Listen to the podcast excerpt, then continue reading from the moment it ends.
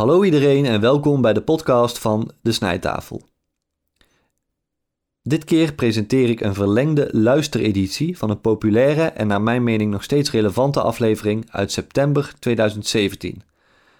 Ik besprak destijds met Joris van Laarhoven een toespraak van de politicus Thierry Baudet, die eerder dat jaar met zijn partij Forum voor Democratie twee zetels had bemachtigd in de Tweede Kamer. In de peilingen staat hij nu consequent op meer dan 10 zetels.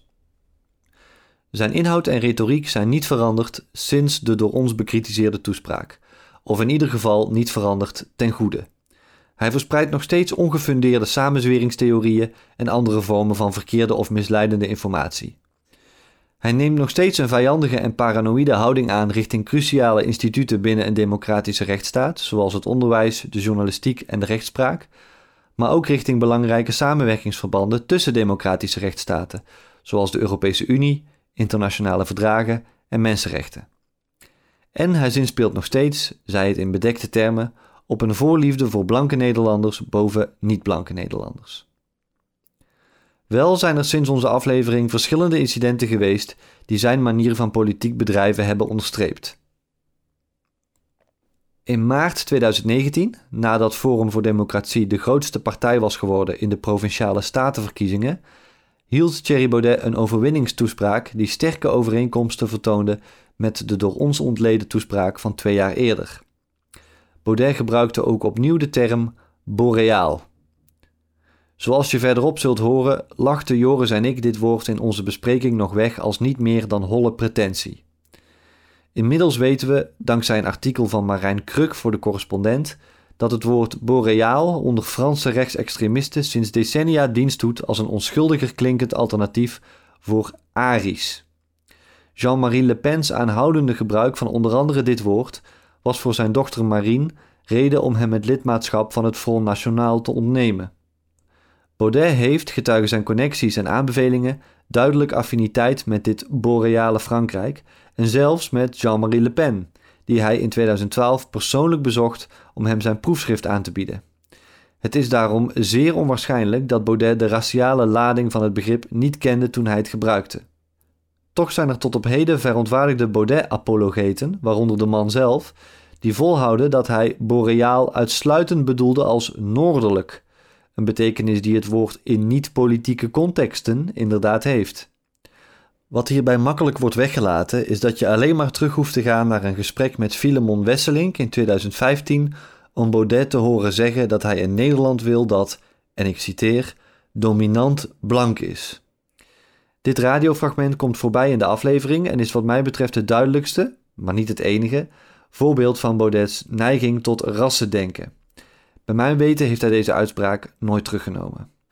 Als dezelfde politicus die eerder pleitte voor een dominant blank Nederland en waarschuwde voor homeopathische verdunning van de Nederlandse bevolking, vervolgens begint over boreaal Europa, terwijl hij warme banden onderhoudt met mensen van wie we weten dat ze dit woord gebruiken om een raciale scheidslijn aan te brengen, dan denk ik dat deze politicus zijn recht op de meest onschuldige interpretatie van het woord langzamerhand wel heeft verspeeld. In februari van 2020 twitterde Baudet zijn beruchte treintweet. Ik citeer hem even in zijn geheel. Vanavond zijn twee dierbare vriendinnen ernstig lastig gevallen door vier Marokkanen in de trein. Aangifte doen natuurlijk volstrekt zinloos. O lieve kinderlijk naïeve Nederlanders, stem nou toch eindelijk voor verandering. Breek los uit politiek correct gelul. Red dit land. Hashtag FVD. Later bleek dat de twee dierbare vriendinnen zich hadden verzet tegen een kaartcontrole door drie conducteurs, die er vervolgens een politieagent bij hadden gehaald. Baudet's gedrag toen de waarheid aan het licht kwam, toont onder meer aan hoe slecht hij om kan gaan met kritiek. Hij gaf na enige tijd toe dat hij zich te snel en te stevig had geuit, maar bood geen excuses aan en bleef vooral hameren op de realiteit van het grotere probleem dat hij wilde benoemen.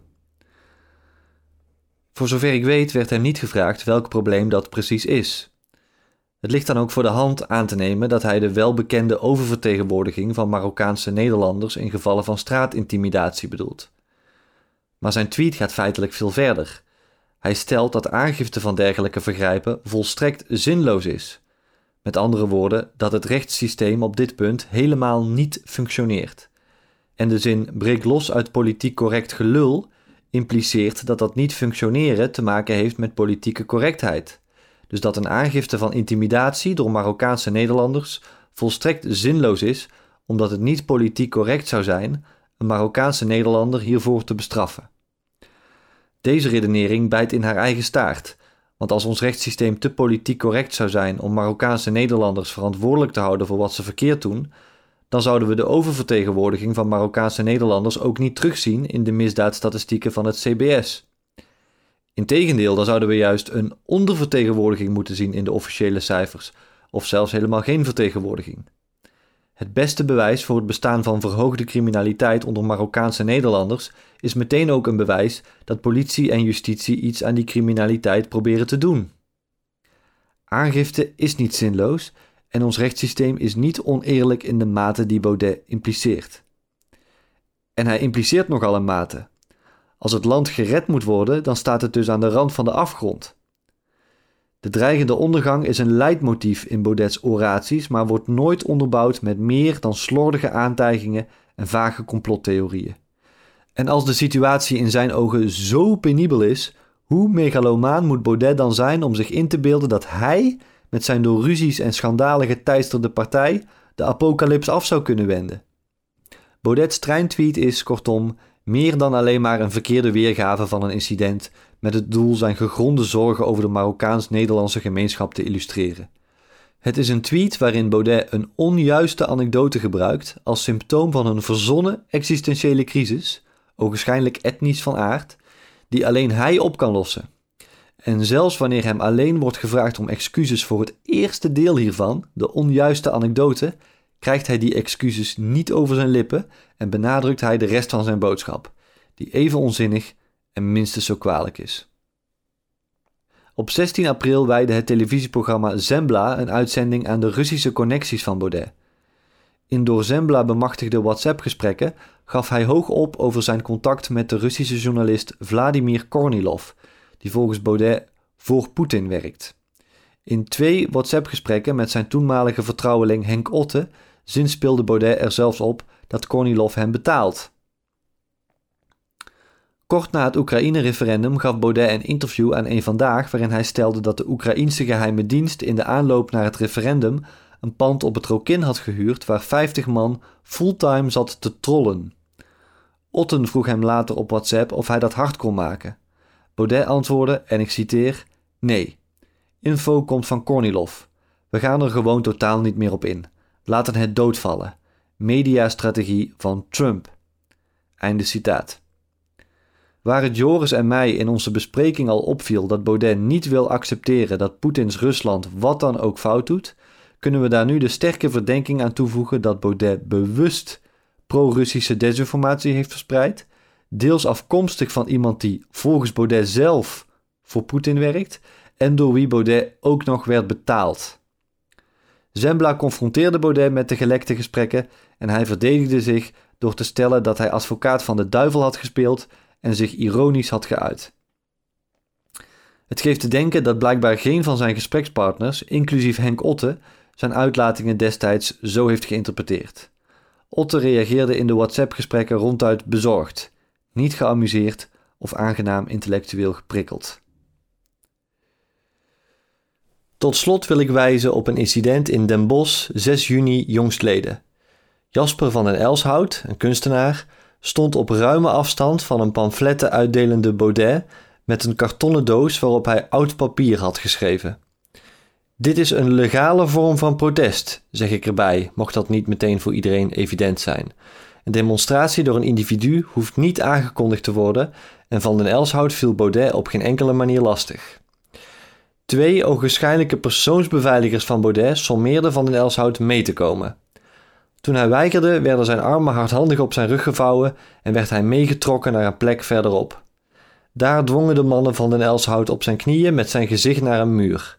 Van deze vrijheidsberoving zijn duidelijke foto's openbaar gemaakt. Van den Elshout stelt dat hij zo twintig minuten in bedwang werd gehouden. Getuigen spreken van een kwartier. Inmiddels heeft Van den Elshout aangifte gedaan en is het wachten op het politieonderzoek. Als iets aan deze beschrijving van de gebeurtenissen niet klopt, vind ik het heel vreemd dat we dat nog niet te horen hebben gekregen van Forum voor Democratie of van de persoonsbeveiligers. De namen van beide mannen zijn inmiddels bekend en allebei weigeren ze commentaar te geven.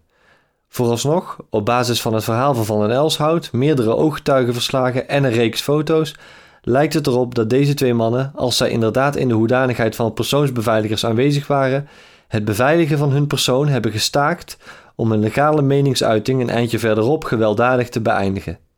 Uiteindelijk bleef Thierry Baudet 15 à 20 minuten onbeveiligd achter. Misschien gaat het hier om zeer amateuristische en heetgebakerde persoonsbeveiligers die achteraf een standje hebben gekregen van het partijbestuur. Een andere mogelijkheid is dat we hier te maken hebben met het voorzichtige begin van een knokploeg. Ik pretendeer niet te weten wat de werkelijke achtergrond is en ik sta ook nog steeds open voor feiten die een ander licht werpen op het verhaal. Maar ik ga ook niet pretenderen dat deze ontwikkeling mij enorm verbaast.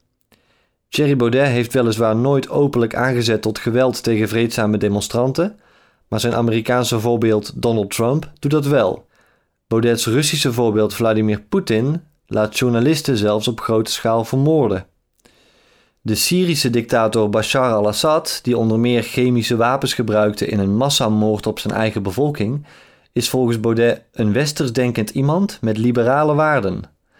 Dus los van de vraag of Baudet zelf bereid is tot gewelddadige repressie van zijn critici, heeft hij in ieder geval geen enkel probleem met leiders die zich daar al in gespecialiseerd hebben. Al deze ontwikkelingen, die Joris en mijn zorgen stuk voor stuk hebben bevestigd of vergroot, in combinatie met de frequentie waarmee Thierry Baudet de aandacht van de massamedia blijft opeisen en, niet in de laatste plaats, de vervijfvoudiging van Forum voor Democratie in de Tweede Kamerpeilingen, maken dat ik als eerste deze aflevering heb uitgekozen om te verlengen met destijds weggeknipt materiaal en als podcast te publiceren.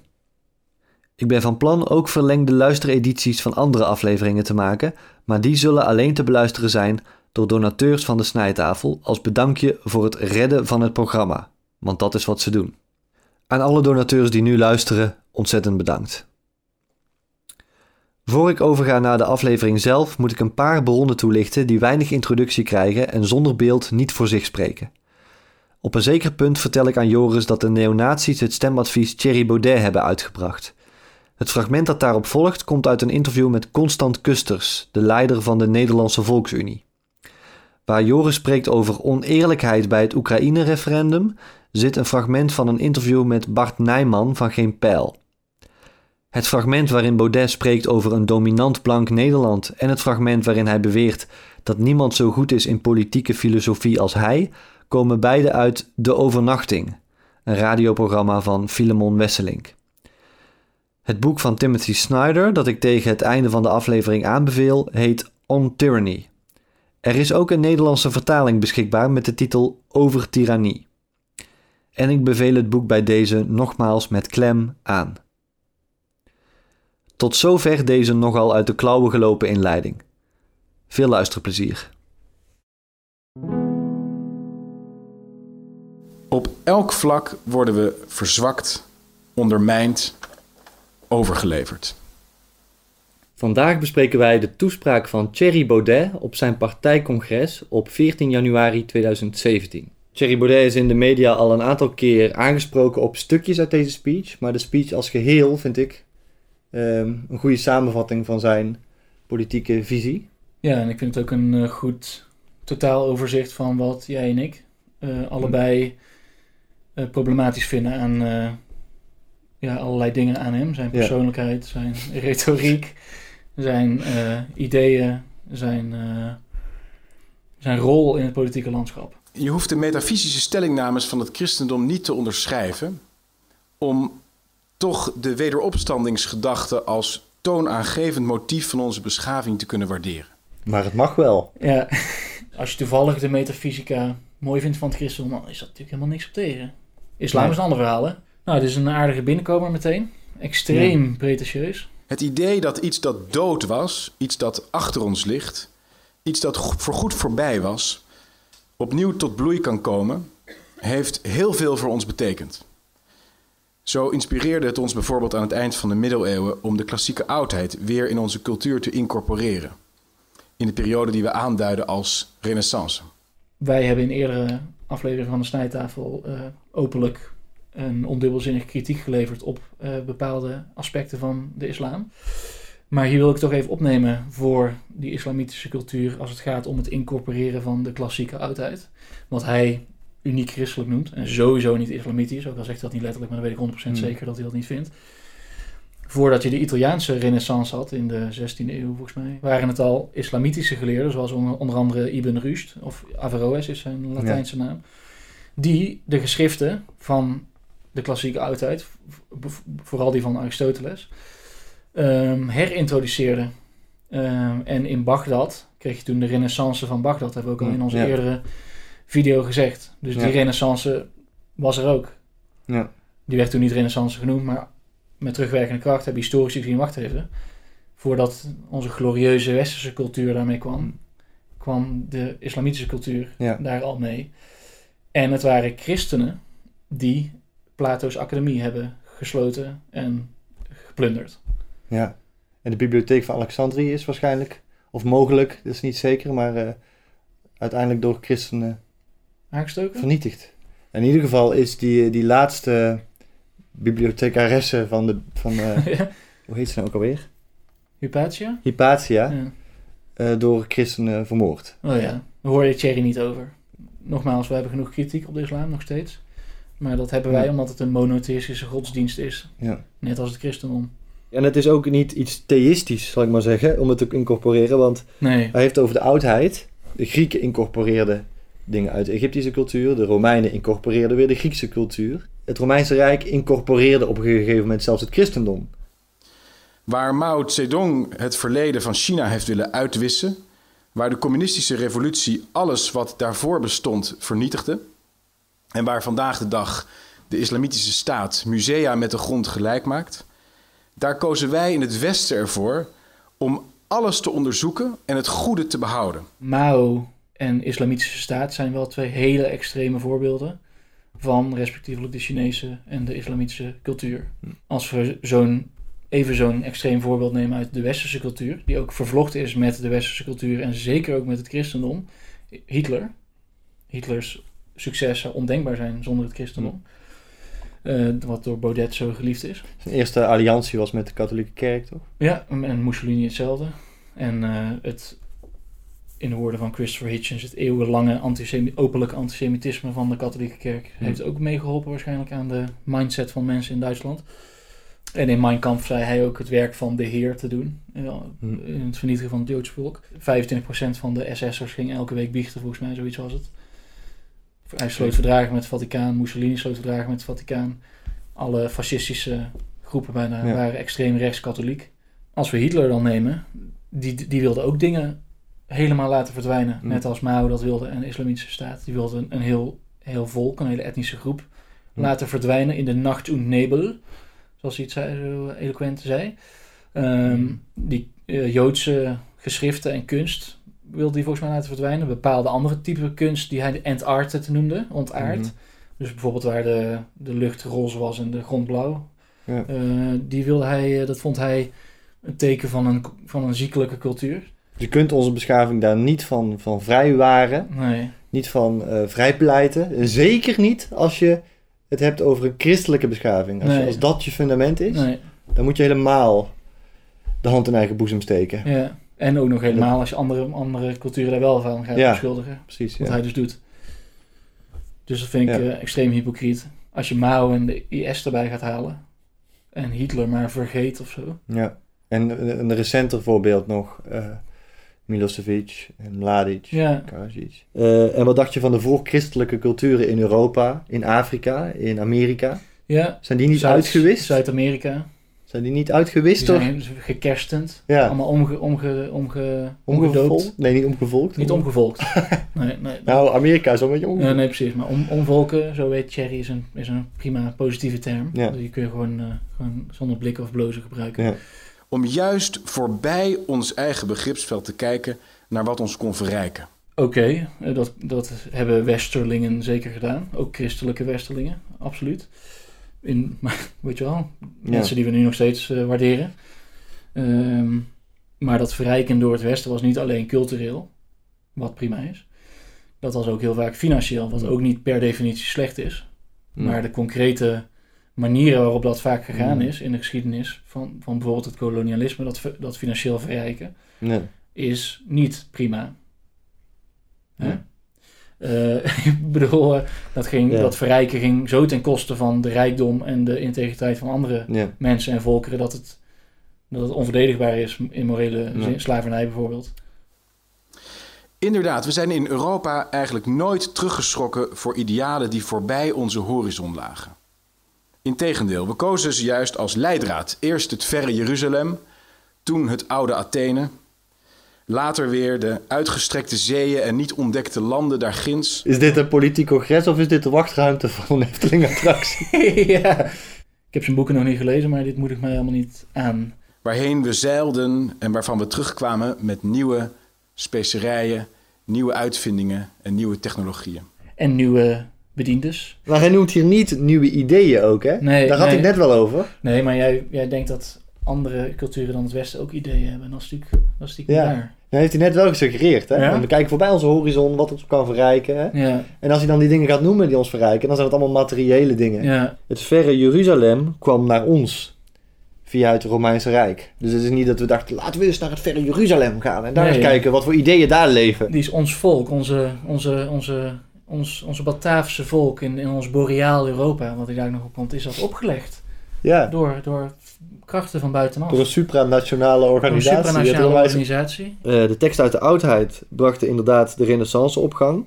Wordt verondersteld in elk geval. Ik vind het wel te ver gaan om te stellen dat het christendom Athene als leidraad heeft genomen. Wat hij hier zegt, het oude Athene. Hè, kozen we als leidraad. Ja, die waren atheïstisch, ja. Uh, blasfemisch. Ja. Hoe kunnen die atheïstisch zijn geweest? Ja, atheïsme is toch een soort christendom? Oh ja, atheïsme is volgens Thierry Baudet christendom. Ik zie atheïsme uh, zie ik als een vorm van christendom. Vind ik christelijk denken. De atheïsten uit de oudheid, zoals Anaximander en zo. Die waren al christelijk of zo. Ja, die waren al christelijk, denk ik. Ja. ja, die zonder dat ze het zelf wisten. Zonder dat ze zelf wisten, onbewust weer. Ja. ja. komt altijd terug bij de idioten. Ehm, dus ik vind het te ver gaan om te stellen dat het christendom Athene als leidraad heeft genomen. En de landen daarginds, waar hij het over heeft, die kozen wij niet als leidraad. Wij werden hun leidraad. Wij maakten onszelf tot hun leidraad. Hij veronachtzaamt, hij ontkent het feit dat wij andere culturen hebben gedomineerd. Ja, inderdaad. Hij doet alsof we juist open stonden voor die anderen. Hoe verder weg, hoe uitdagender. Xenofobie is ons wezensvreemd. Ik kan deze op twee manieren uitleggen. Misschien is er nog een derde hmm. geniale uitleg die alleen hij snapt. Die helemaal klopt. Ja, precies. uh, allereerst is er blijkbaar in die eerste uitleg een soort ons, westerlingen, christenen, ik weet niet wie, uh, bij wie het werkelijk wezensvreemd is, zoals hij letterlijk zegt, xenofobisch te kunnen zijn. Hmm. Dus in ons wezen, in ons DNA of in ons brein of wat hmm. dan ook, komt het helemaal niet voor, die, die faculteit om, om, dat, om, dat, hmm. om xenofobisch te kunnen zijn. Uh, dat, is, dat klopt niet, feitelijk natuurlijk. Hm. Maar, maar, belangrijk nog dat, dan dat het niet klopt, is dat hij dus wel veronderstelt dat er een andere groep is, of andere groepen, hm. dan die ons, die dat dus wel hebben. Want hm. xenofobie bestaat natuurlijk. Maar dan is er dus een soort wezen, wezenlijk verschil. Ja. Verschil in wezen tussen ons en anderen. Dat vind ik heel sinister. Maar laten we hem het voordeel van de twijfel geven en de, mijn andere mogelijke uitleg. Namelijk dat wij ook wel in staat zijn in theorie om dat te uiten. Maar in de praktijk is daar weinig tot niks van hmm. gebleken. Westerse mensen of culturen of groeperingen of regeringen of wat dan ook zijn eigenlijk op de keper beschouwd nooit xenofoob geweest. Hmm. En dat is volgens mij ook feitelijk onjuist. Ja, en ik vind... Voorbeeld 1. Thierry Baudet zelf. Ja. Angst voor vreemde mensen en gebruiken en angst voor het onbekende is een algemeen menselijke eigenschap. Dus het is ons sowieso niet wezensvreemd. Nee, precies. En cultuur kan xenofobie wel aanwakkeren of temperen. Ja. En ik vind de huidige westerse cultuur een aardige rem erop hebben. Uh En ik vind Thierry Baudet iemand die die rem eraf ja, probeert te halen. Geen enkele andere cultuur op aarde is ooit zo open en pluriform geweest als onze cultuur altijd geweest is? Nou, ik vind de moderne westerse cultuur. Ja. Niemand kan het omschrijven, maar goed. dat vind ik inderdaad open en pluriform. Ja. En ik, voordat mensen daar kijken, zou ik het verkeerde beeld krijgen of zo. Ik weet ook dat ik namens jou spreek dat wij die ook niet willen afschaffen of iets dergelijks. Nee. Wij vinden die ook beter dan bepaalde andere culturen. En wij zijn, vinden er ook bepaalde hele dingen, dingen heel erg waardevol aan. Alleen, eh, je moet het ook niet overdrijven. Zeggen dat die volmaakt is of wat dan ook.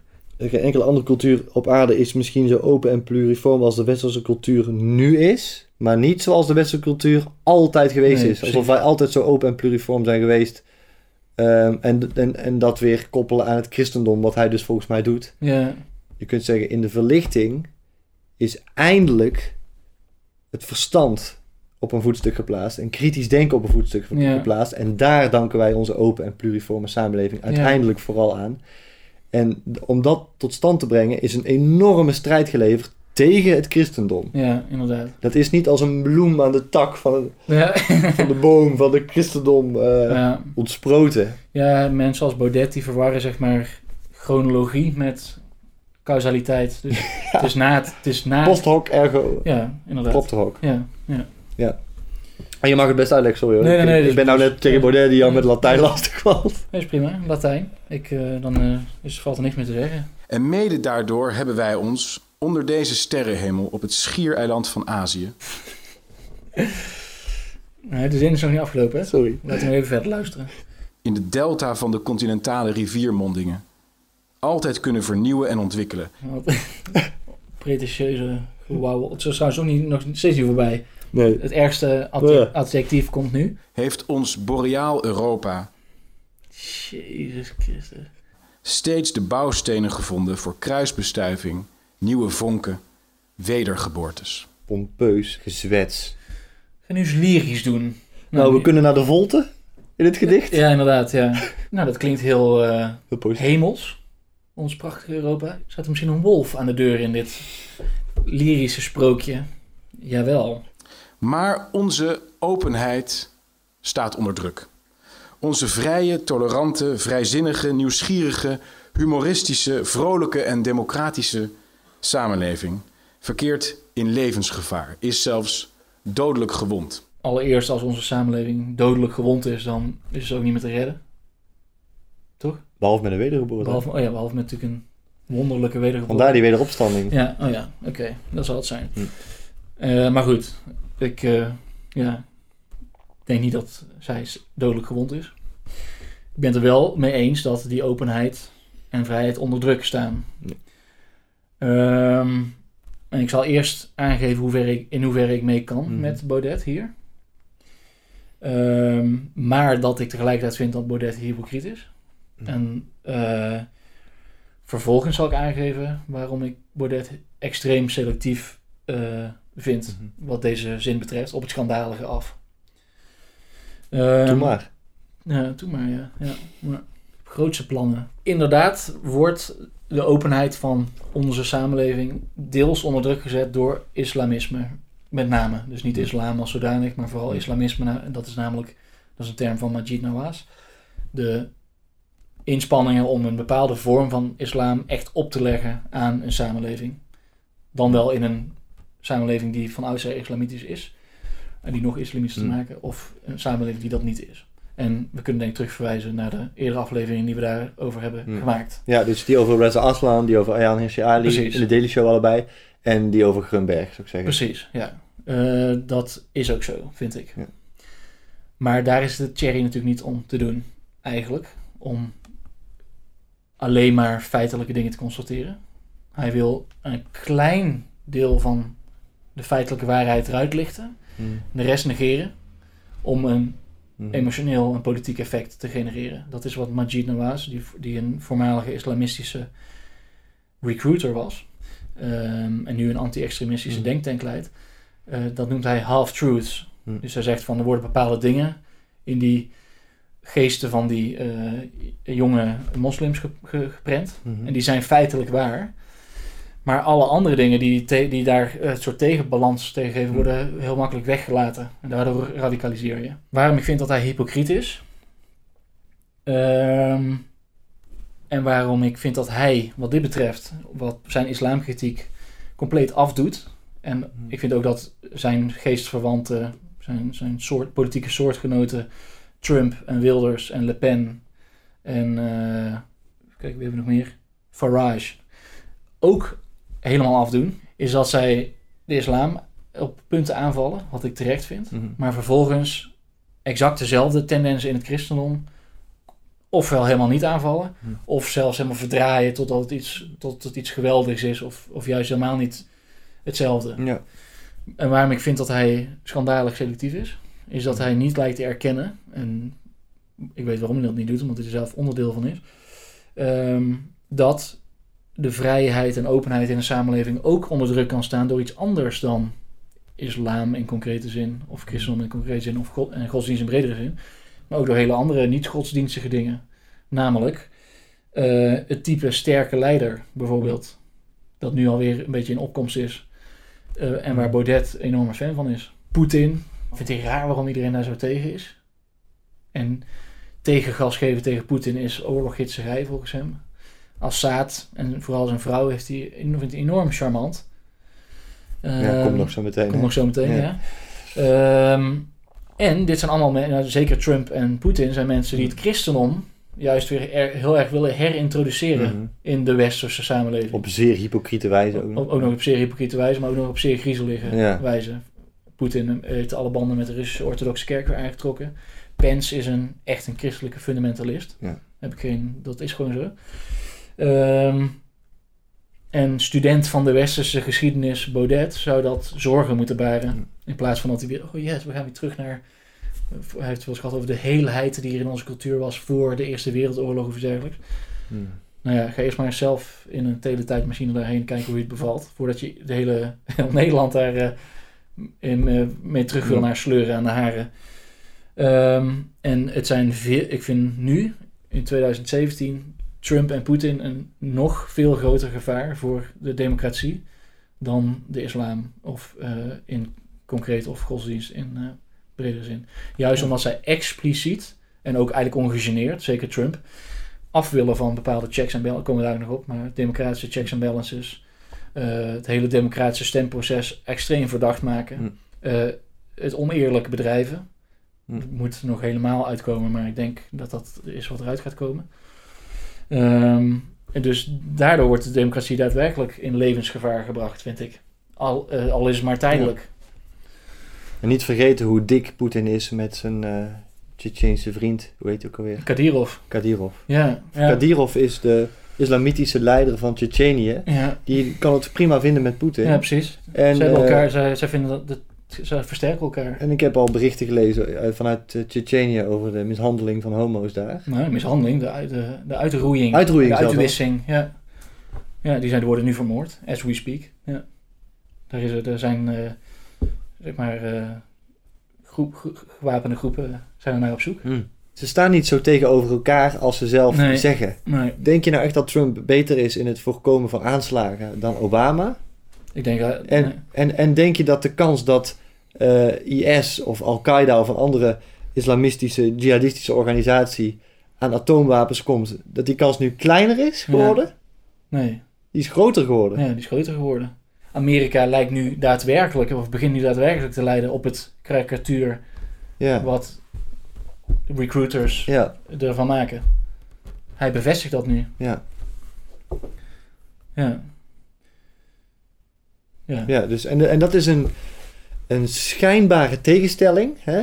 Alsof die twee elkaar bestrijden, terwijl Ja. ze elkaar versterken. Ja. Waar heel veel intelligente mensen intrappen. Ja, inderdaad. Dat verontrust me ook. Ze voeden, ze voeden elkaar. Ja, We moeten haar niet achterlaten. We moeten niet denken dat wat voorbij is, voor altijd voorbij is. Maar juist in de beste traditie van het Westen haar opnieuw tot leven wekken. Hier zegt hij het weer opnieuw tot leven wekken. Net, hij zei eerder al dodelijk gewond. ja. Dus het is al dood Misschien dan. is het nu inmiddels alweer dood. We zijn twee zinnen verder. Er hè? zijn twee zinnen verder. Ja, het gaat snel met die, met die, Die met die dingen. Ja, met die islamisering en al die andere dingen waar de mensen van wegkijken. Contradictie op contradictie, hè? We zijn zo vitaal, maar we zijn dood. Ja, Dus we moeten herboren worden. Wat? maar herboren worden is ook goed. Dus is het weer goed dat we eerst dood Ja. zijn gegaan. Dus is het juist Ja. goed dat we onder druk staan of zo. Ik weet niet precies wat hij hiermee bedoelt. Maar wat ik wel weet dat hij vindt, is dat hij groot fan is van Trumps doodenge ideoloog Steve Bannon. Parafraseer nu, maar die zei eh, elke 80 jaar of zo uh, moet de hele samenleving in elkaar storten. Economische misère, uh, chaos, van alles.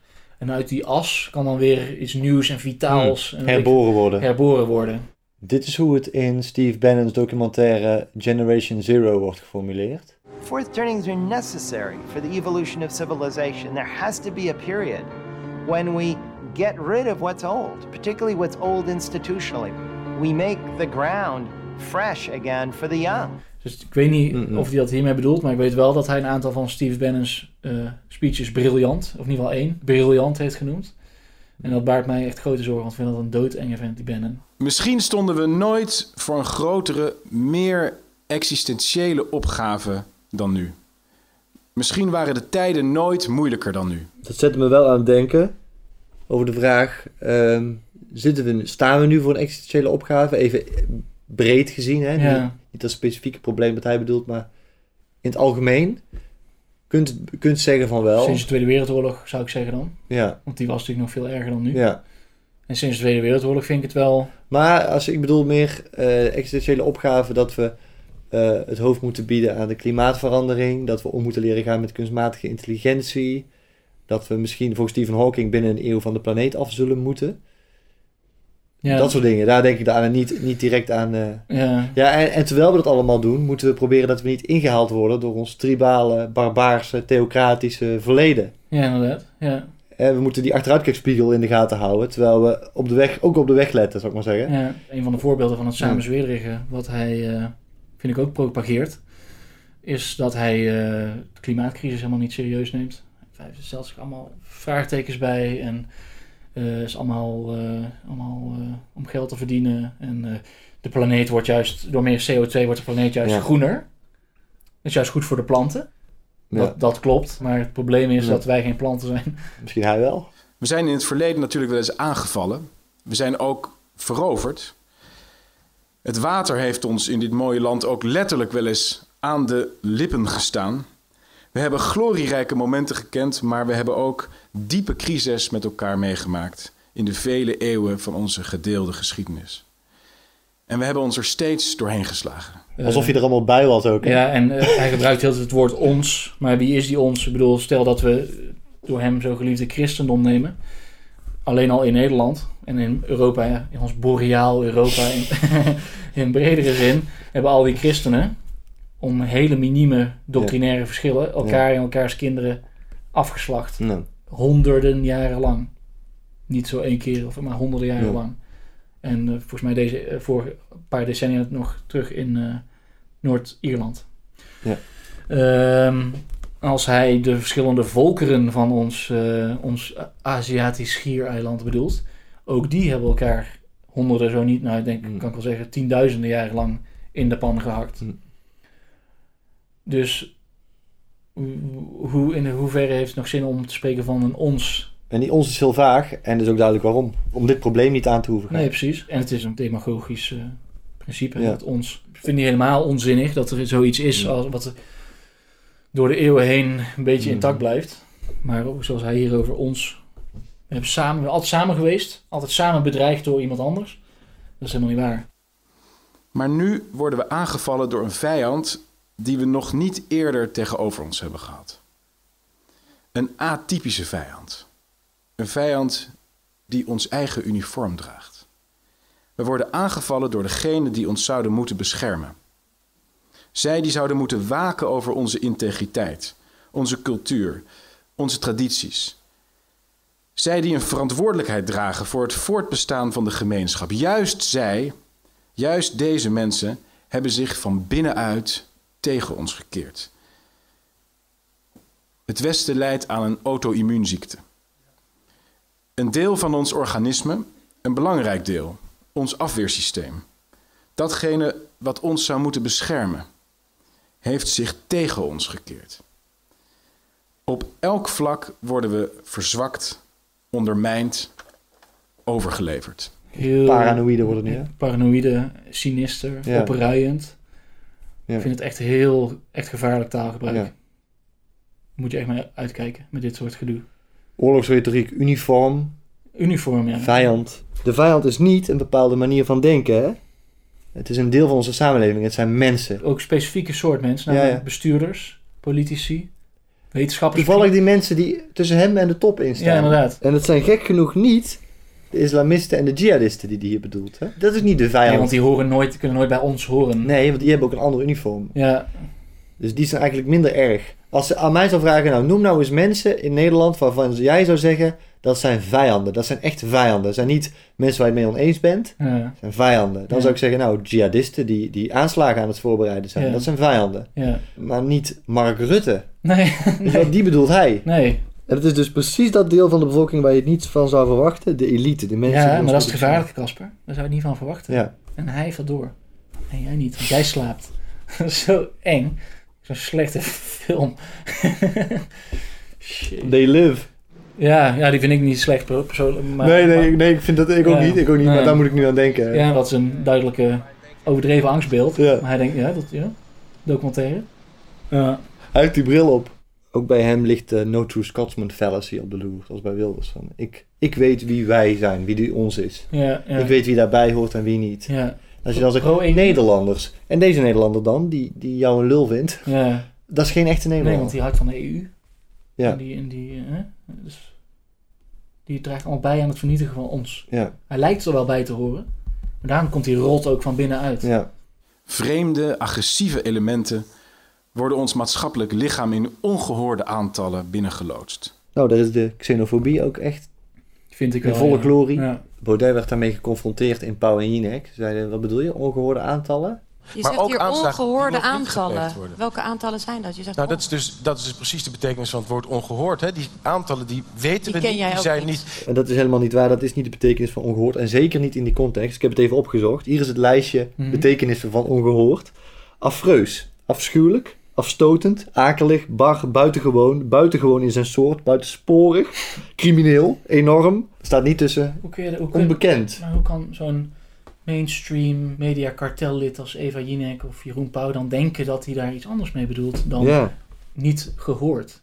Toen Baudet in Pauw en Jinek werd geconfronteerd met die agressieve elementen die in ongehoorde aantallen worden binnengeloodst.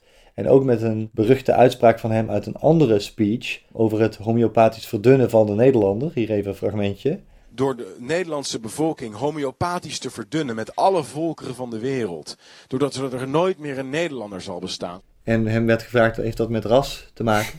Toen zei hij, heeft helemaal niks met ras te maken. Ik, met cultuur. Ik, ik ben zelf deels Indonesisch. En hoe komen jullie erbij? heeft niks met ras te maken. Ik ben zelf ook een, eh, vermenging van mensen uit allerlei delen van de wereld. Voor een deel eh, Indonesische familie enzovoort. Dus het gaat hem niet om ras, het gaat om cultuur. Ik heb dus een radio-interview ja. gevonden met Thierry Baudet. En dan zegt hij het volgende. Waarin hij Je kunt het zegt... even laten horen. Ja, even laten horen. geloven mensen het weer niet.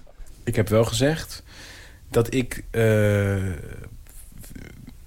heel veel mensen hier wil welkom heten, maar dat ik wel graag wil leven in een, in een wereld, of in een land wat hoofdzakelijk blank is.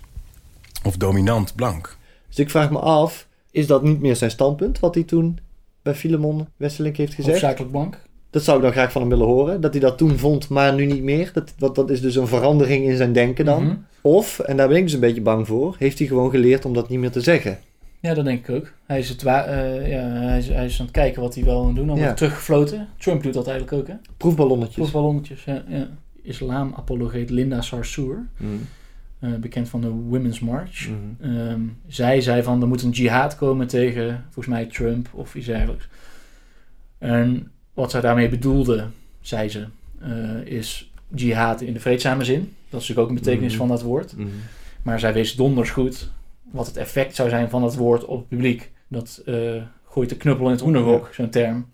En hij weet dat ook. Homeopathische verdunning. Ja, ik, ik merk nu dat met mensen dat daar, daar bepaalde ja, raciale ideeën bij krijgen, associaties bij krijgen, als ik het zo formuleer. Maar dat is natuurlijk nooit mijn bedoeling geweest. Nou, zo dom is hij niet. Nee. Weet hij heel goed. Hij verkent wat nieuw dubieus terrein. En als hij dan daarop wordt aangevallen, dan zegt hij... Ja, misschien had ik het anders moeten zeggen. Ik heb er ook niet zo heel veel verstand van. Ik snap wel dat het een beetje een overdreven beeld is, maar het is... Weet je, dat is een hele ingewikkelde discussie waar ik denk dat er veel mensen zijn die daar veel meer vanaf weten dan ik. ik, ik Ik moet daarbij een beetje denken aan die film ehm, Anatomy of a Murder Mhm. uit 1959. James Stewart speelt daar een advocaat in een Amerikaanse rechtbank, dus met een jury. Hij zegt dan iets wat out of order is. De rechter zegt dan ook van dit, ho ho, nu ga je te ver. I withdraw the question, Your Honor, and apologize. En de rechter zegt tegen de jury van, jullie mogen dit niet meenemen in jullie overweging. En dan later vraagt iemand aan James Stewart van, ja, ik, eh, de rechter zegt dat die opmerking van jou mogen ze niet meenemen, maar dat kunnen ze ook niet vergeten. Dan zegt hij, nee, dat klopt, dat kunnen ze inderdaad niet vergeten. How can a jury disregard what it's already heard? You do solemnly swear that the testimony you shall give in this cause shall be the truth. Daar moet ik een beetje aan denken bij dit. eh, Hij heeft het, hij- Ik heb het al gezegd. Precies, hij heeft het gezegd. En voor de goede toehoorder, die weet, ja, die, die politiek correct. Virtue die- signaling. Virtue signaling, eigenlijk. ja, ja, ja, ja, even, ja. Malice signaling eigenlijk. Ehm, die, ehm, die de goede verstaander weet wat hij aan Baudet heeft. Die weet dat hij een bondgenoot heeft, weet je wel. En die weet natuurlijk dat Baudet niet zo ver kan gaan, want anders wordt hij meteen opgepakt. Hè? Eh, maar eh, de boodschap is overgebracht en voor de bühne krabbel ik terug. En het, de boodschap is aangekomen bij de neonazis in elk geval. Want die hebben hem uh, geëndorsed. Echt waar? Ja. Wat dan?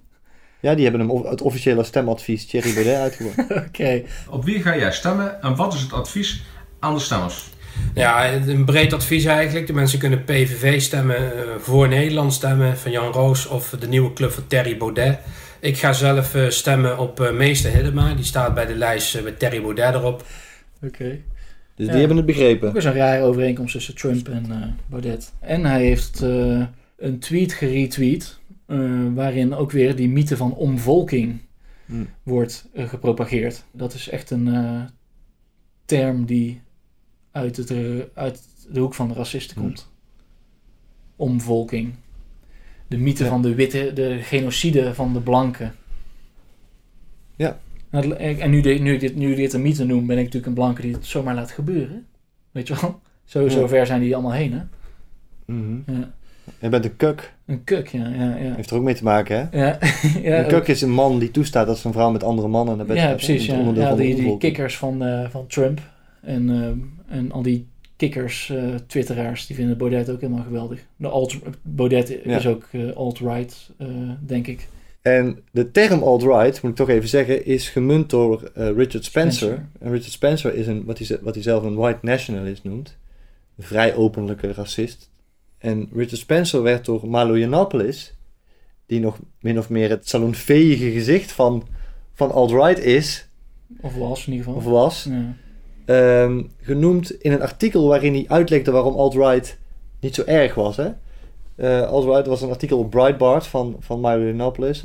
Veel mensen denken dat alt-right nee, na- nazistisch is en Mhm. gevaarlijk is. En dat valt allemaal heel erg mee. Maar hier even wat uitleg. Centrale intellectueel is bijvoorbeeld Richard Spencer. Gewoon een... Richard Spencer die dus een toespraak hield na de overwinning van Trump. Die eindigde met eh Hail Trump, Hail Victory. Waarna verschillende mensen in het publiek de Hitlergoed brachten. Ja, Waar hij niks van zei. nee, inderdaad. Ja. Ja, ja, je kunt mensen niet eh, zeggen wat ze doen, ja. Casper, het is het publiek. Heb geen controle over. Ja. En die ook zei in een interview met Gavin McInnes. ehm, het ras is het meer en de cultuur is de mist boven het meer. Dus cultuur en ras zijn wel degelijk aan elkaar verbonden. Dus je kunt niet zomaar iemand van een andere ras onze cultuur bijbrengen. Guilt by association wordt heel vaak van de hand gedaan als eh, oneerlijk. Hè? Ja. Eh, dat iemand ergens mee geassocieerd is, wil niet zeggen Nee. dat hij daar zo hetzelfde over denkt. En dat klopt ook. En dat is ook zo. Ja. Alleen, ik wil dus onderscheid maken tussen eh, twee soorten guilt by association. Ja. De ene vorm is, iemand wordt schuldig of verdacht gevonden omdat hij ergens mee geassocieerd wordt Ja. door iets waar hij niks aan kan doen. Zijn uiterlijk, zijn huidskleur, zijn naam. Ja. Ehm, en dat, is, dat doen we ook wel discriminatie. Ja.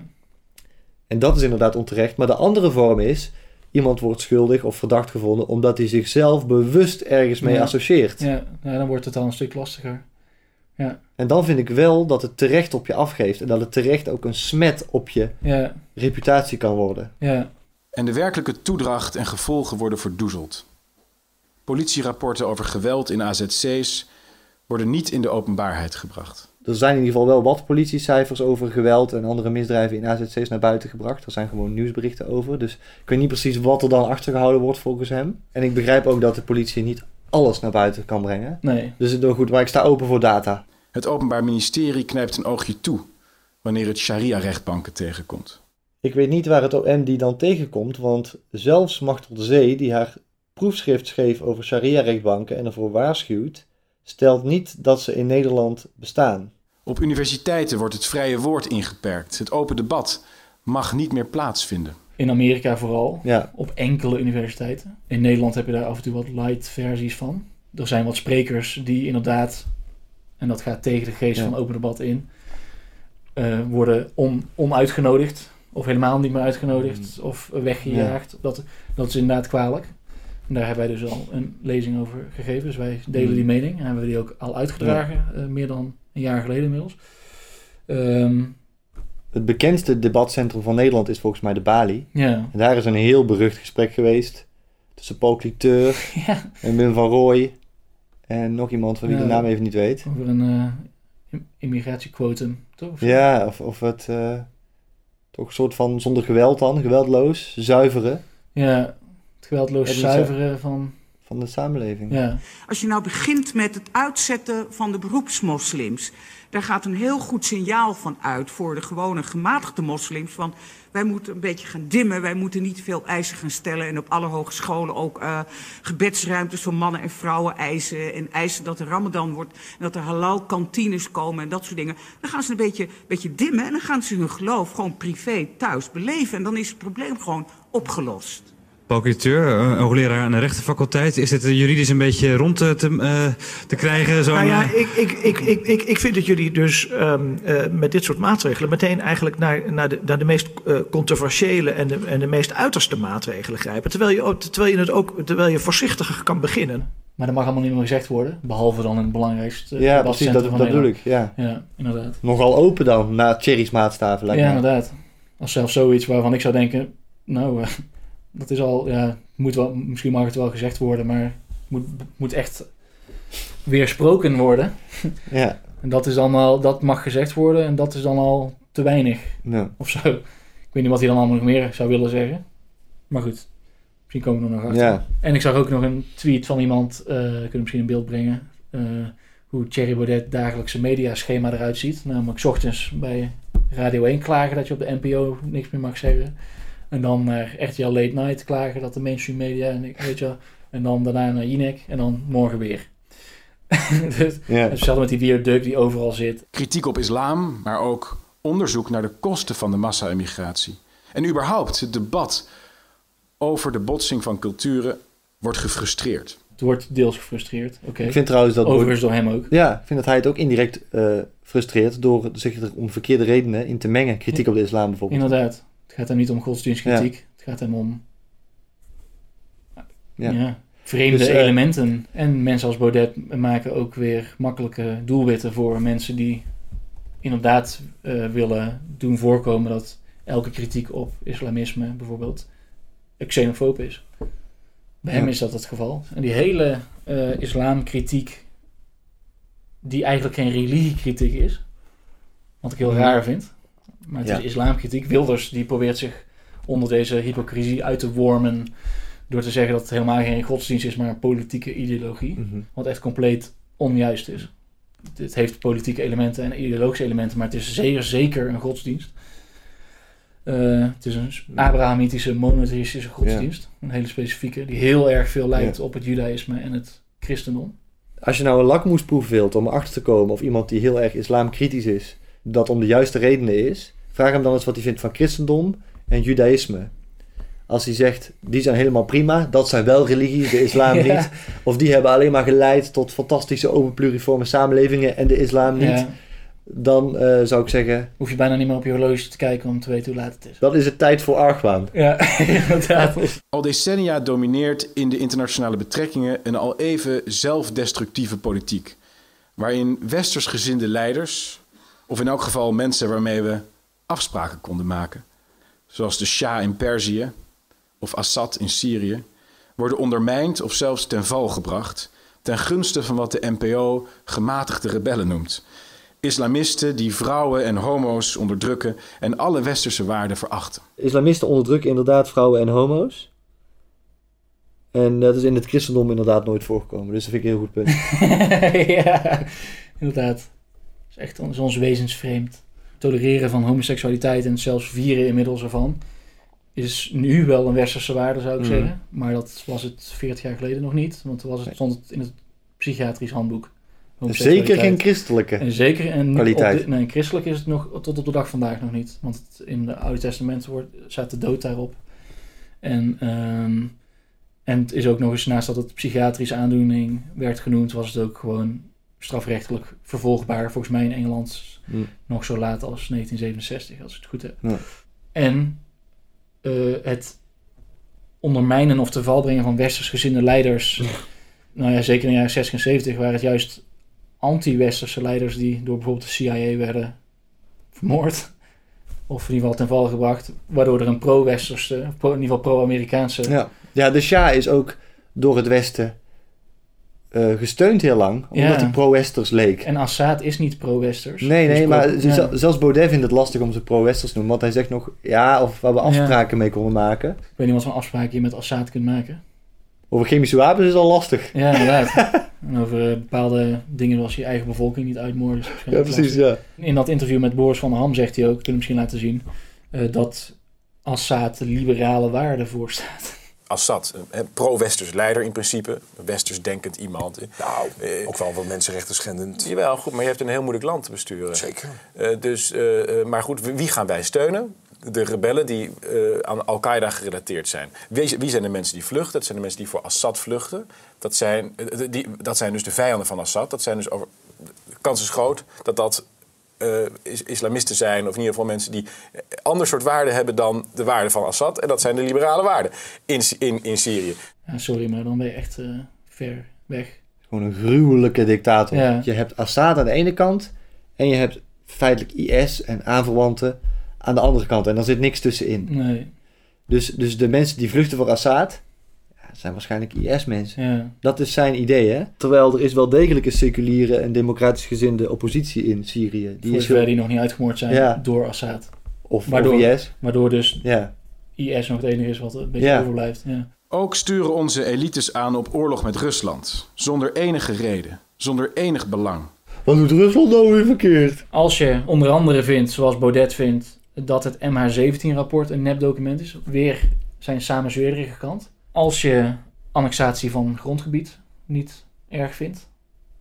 Als je eh, het niet erg vindt dat, ja, nou ja, als Rusland instrumenteel is geweest in het, met het in het zadel Mm. helpen van jouw favoriete leider Trump.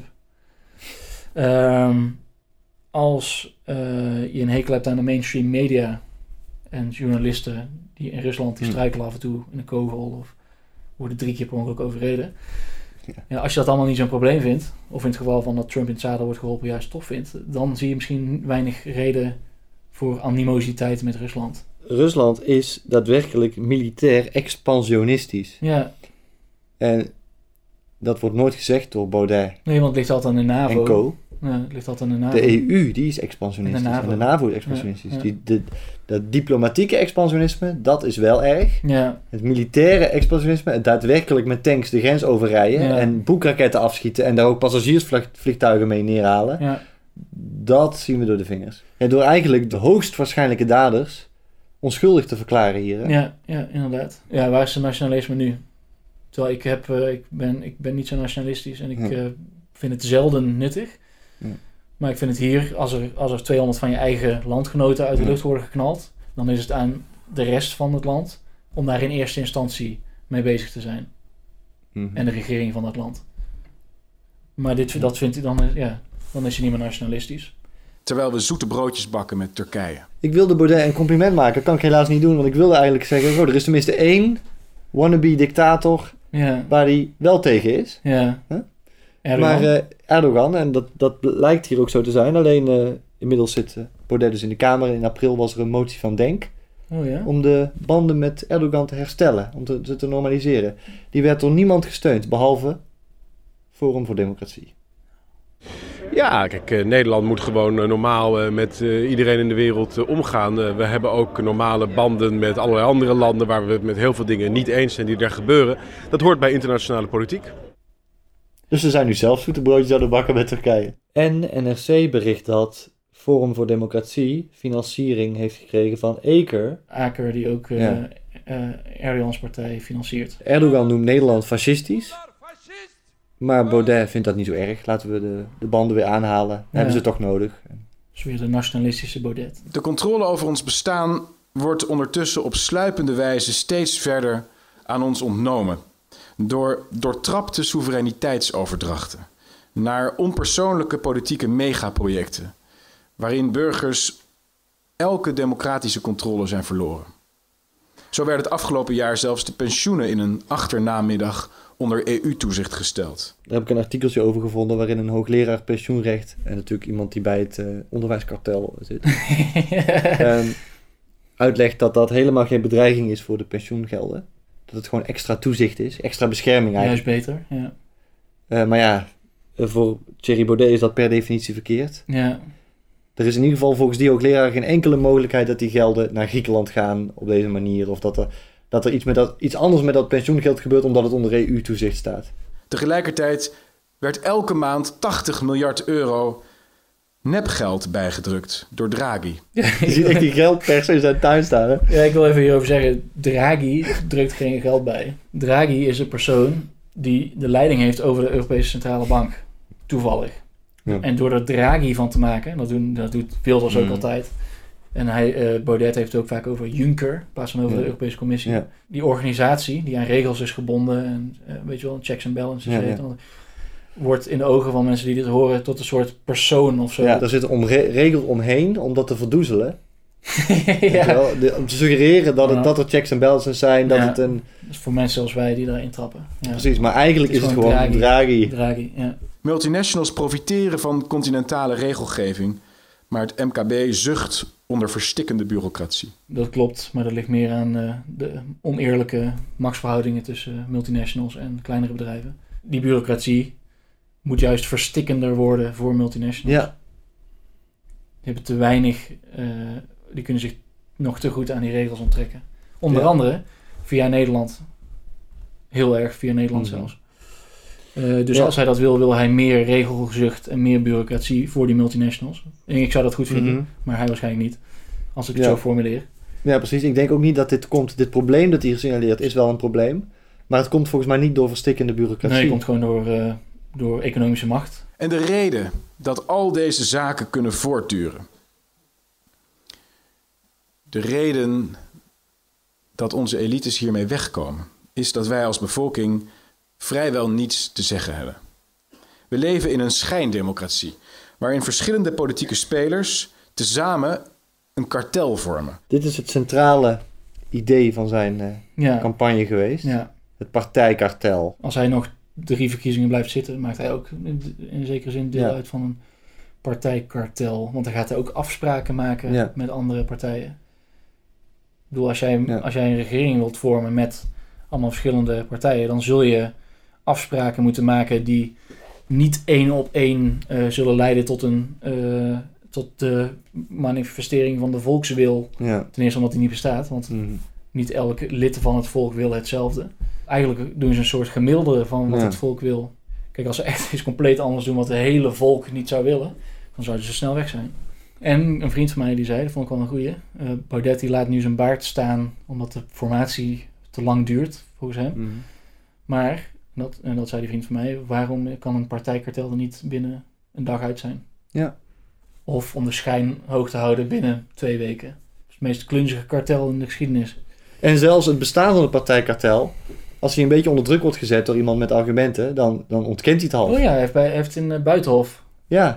heeft hij het volgende gezegd. Nou ja, of, of dat kartel wel of niet in meerdere eh, of mindere mate bestaat, hoe dan ook is het parlementaire stelsel, wat u zegt, een, een, een serie van compromissen. Ja, heel jouw campagne draait om het partijkartel, man. Je kunt je daar toch niet zomaar onderuit wurmen? Nee, of het nou wel of niet bestaat. En een publieke omroep hebben gecoopteerd die dagelijks hun schijndebatten uitzendt. Eh, De NPO wordt gesteund met overheidsgeld. Dus dat is de spreekbuis, dat is de staatsomroep.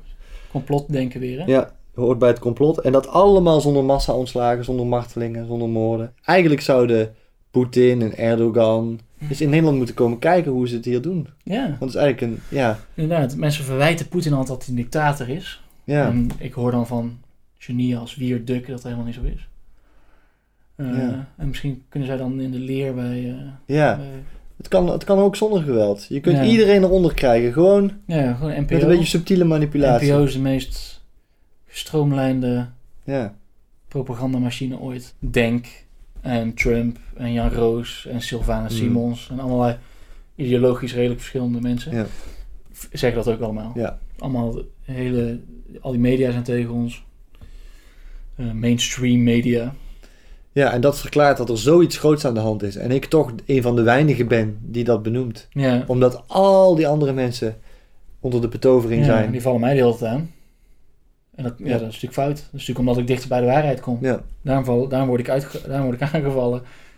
Ja. Ik, ze merken dat ik hun op het spoor ben en dan moet ik natuurlijk zo snel mogelijk Mhm. verdwijnen. Dus daar word ik overal drie keer uitgenodigd per dag. Iedereen is tegen mij en dan gaan mensen die wel een soort integer, integer zijn zeggen... Oh, sorry, maar dat, dat was helemaal niet de bedoeling. Zeg, Ja. maar, zeg maar wat je wilt zeggen. Weet je wel? Ja.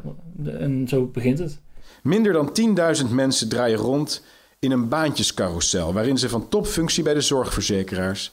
naar burgemeesterspost, naar bestuursfunctie in de onderwijsraden... en bouwend Nederland gaan. Nou, op zich is het natuurlijk niet verkeerd om kritiek te leveren op echte vriendjespolitiek. Ja.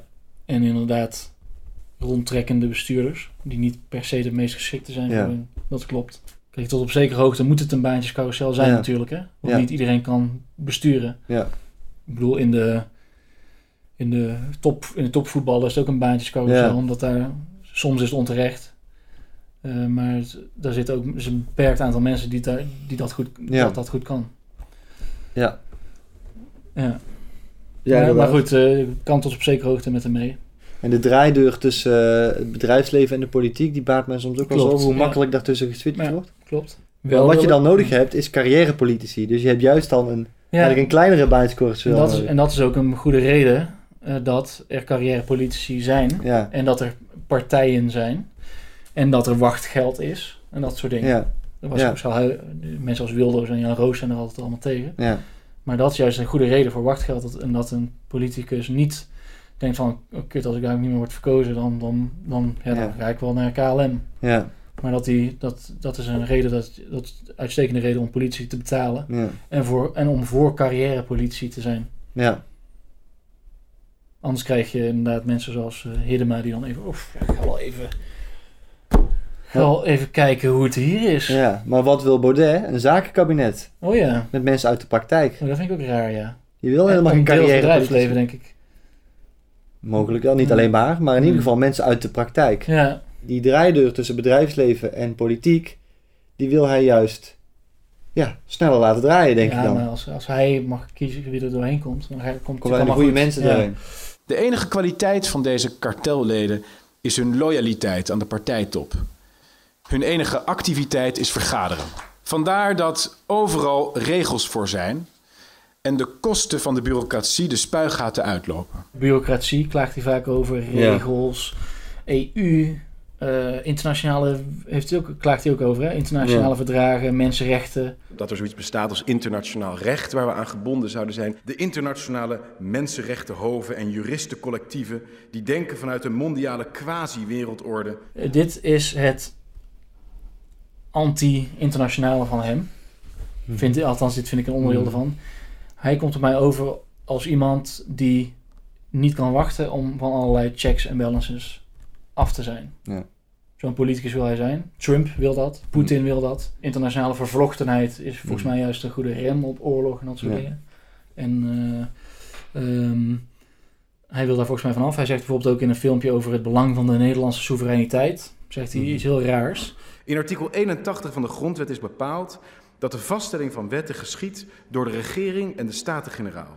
Daarbij uiteraard implicerend dat het aan onszelf en dus niet aan de EU is om onze wetten te maken. Maar als hij de grondwet erbij gaat halen, dan vind ik het raar dat hij, of ja, niet raar, maar het is wel heel toevallig, dat hij artikelen 93 en 94 van de grondwet Mhm. van het Koninkrijk Mhm. der Nederlanden niet noemt. waarin staat bepalingen van internationale verdragen die een ieder verbindend zijn, die werken direct door in de nationale rechtsorde. Hm. En eh, als er een internationale regel voor is die in ieder verbindend is en een nationale regel, en die zijn tegenstrijdig, dan gaat die internationale regel voor. Hm. Staat ook in onze grondwet. Nou, dat is de oikofobie toch wel ouder dan ik dacht. Ja, inderdaad. Dus ook die grondwet eerder rot komt van de grondwet uit.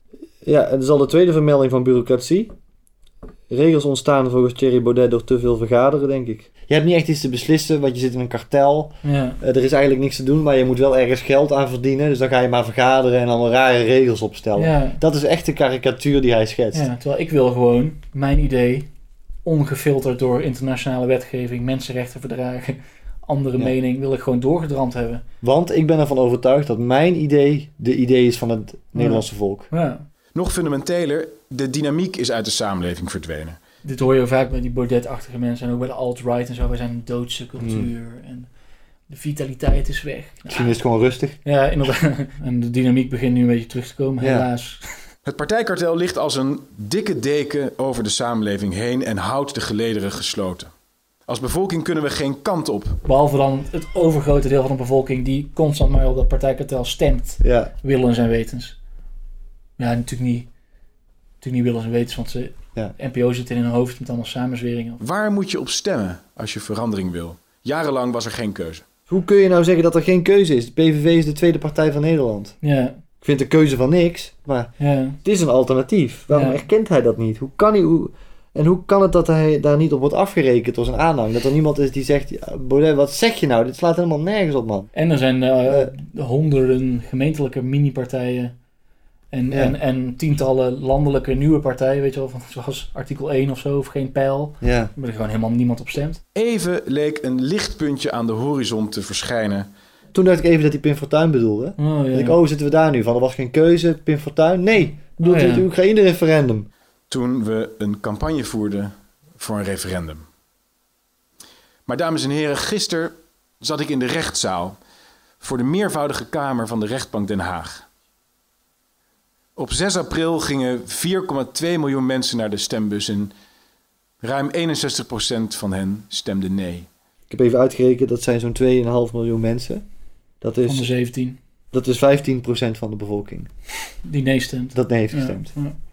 Dat is bepaald niet het volk. Nee, 15%. Dat is een Nee. minderheid. Nee, precies. Als met eh, eh, Wilders, die ook altijd zegt namens het volk te spreken. En ondertussen heeft zelfs, terwijl hij de tweede partij is, 83% van de, van de volgens mij stemgerechtigden of de bevolking, Ja. ik weet niet zeker, niet op hem gestemd. Ja, en ik wil het nog wel een beetje toelichten, want ik, ik hoor het weerwoord al.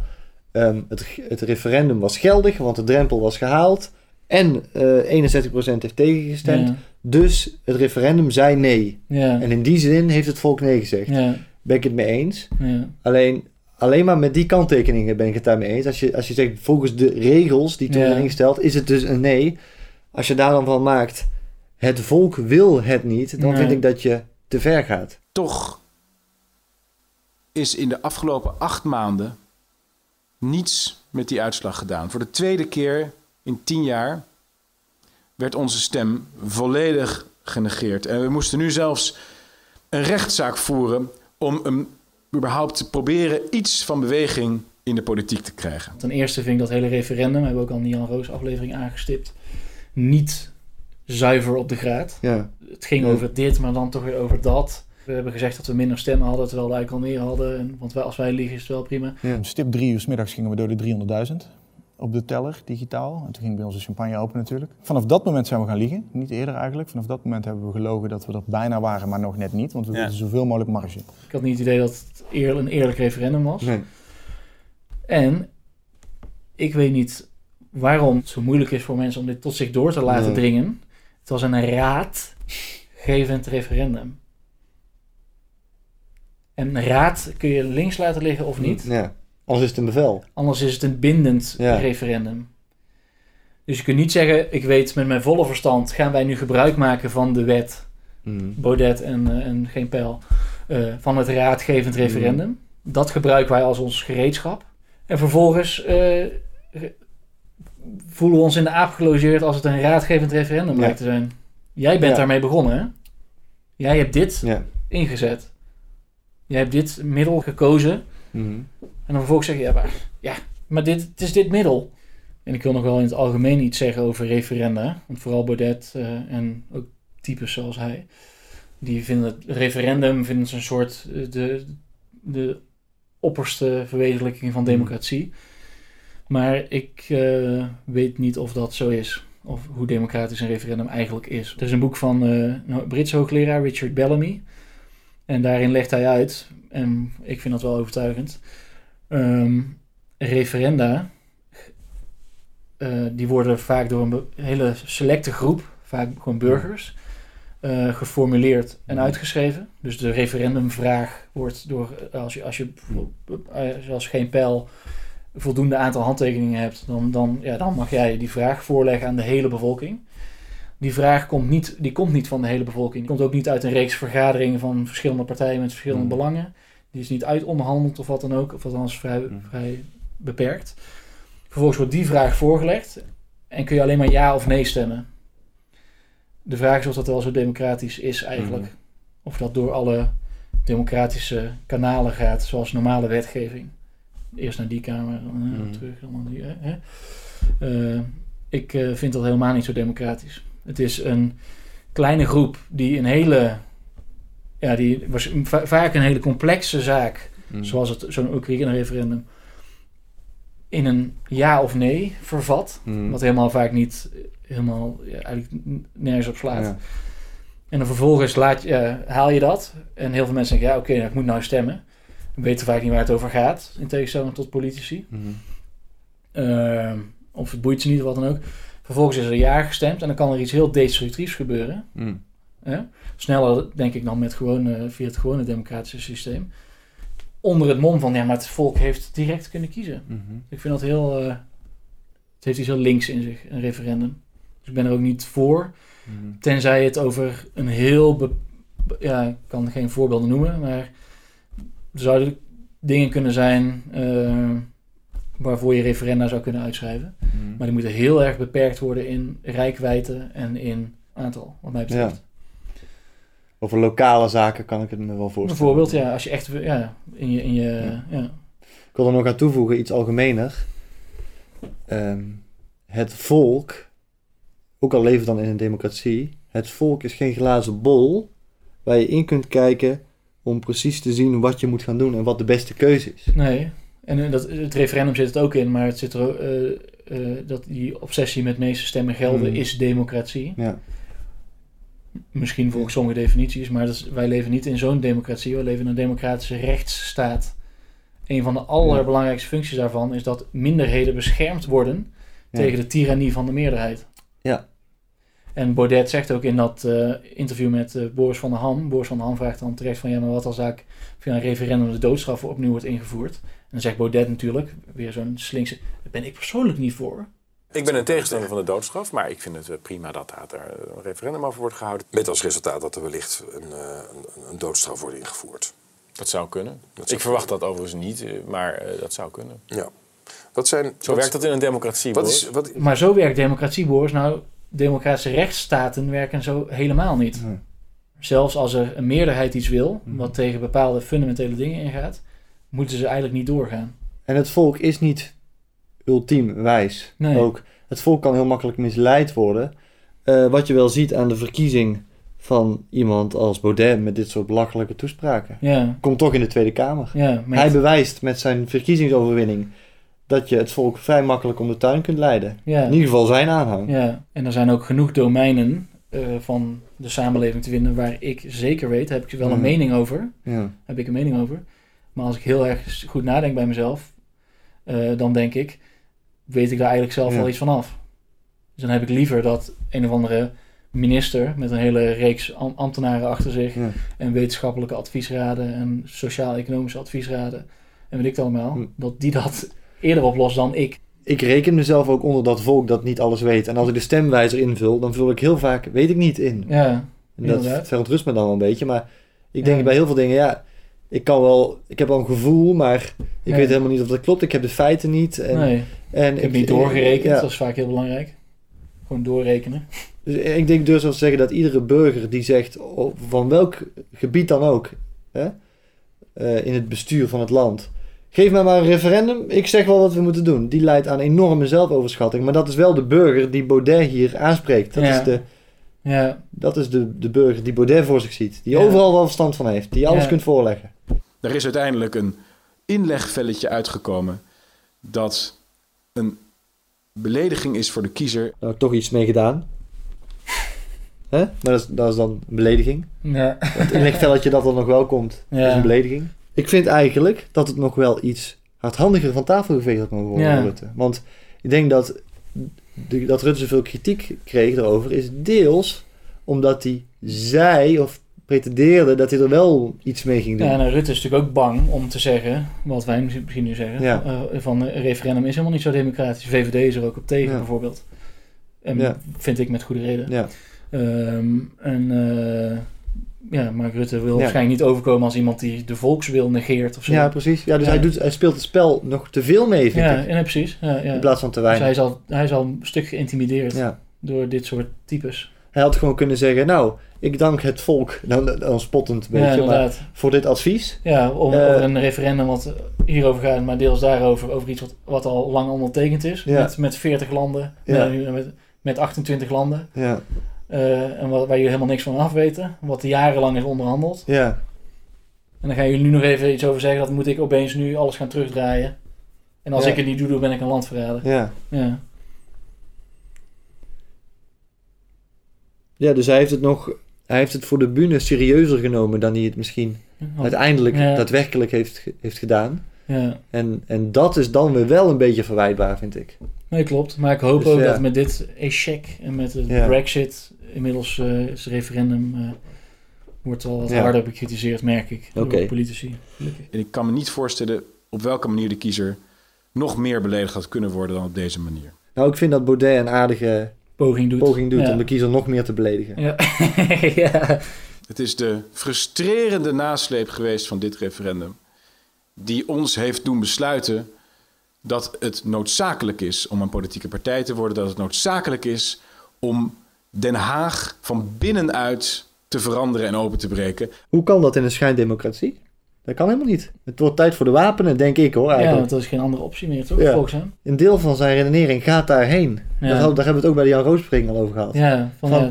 alles zit vast. We kunnen niks meer veranderen. Het Iedereen, is zit een in een complot, nepdemocratie. iedereen zit in een complot. Iedereen Ja. die het nog kan, zou kunnen veranderen, waar je denkt die kan het veranderen, die, zit, die is gecommitteerd. Of En we gaan eraan. En we gaan eraan. Er is een acuut probleem, Ja. ook hier. Levensbedreiging, denk ik, oké, doodstrijd. ja. Maar gaan schieten dan, denk Ja, ik. ja, ja. Nee, nee, nee, niet gaan schieten. Nee, nee, nee, gewoon een partij. Ja. Oké, dan is het dus geen schijndemocratie. Nee. Het is één van de twee. Ja. Het is nooit noodzakelijker geweest dan nu dat mensen van goede wil de handen ineens slaan om de banden met onze tradities te herstellen. Om onze kracht te hervinden en nieuwe kruisbestuivingen tot stand te brengen. Oh, behalve kruisbestuiving met mo- moslims. Ja. Daar hebben we niks aan. Die hebben geen interessante cuisine of schrijvers of wat dan ook. Hè?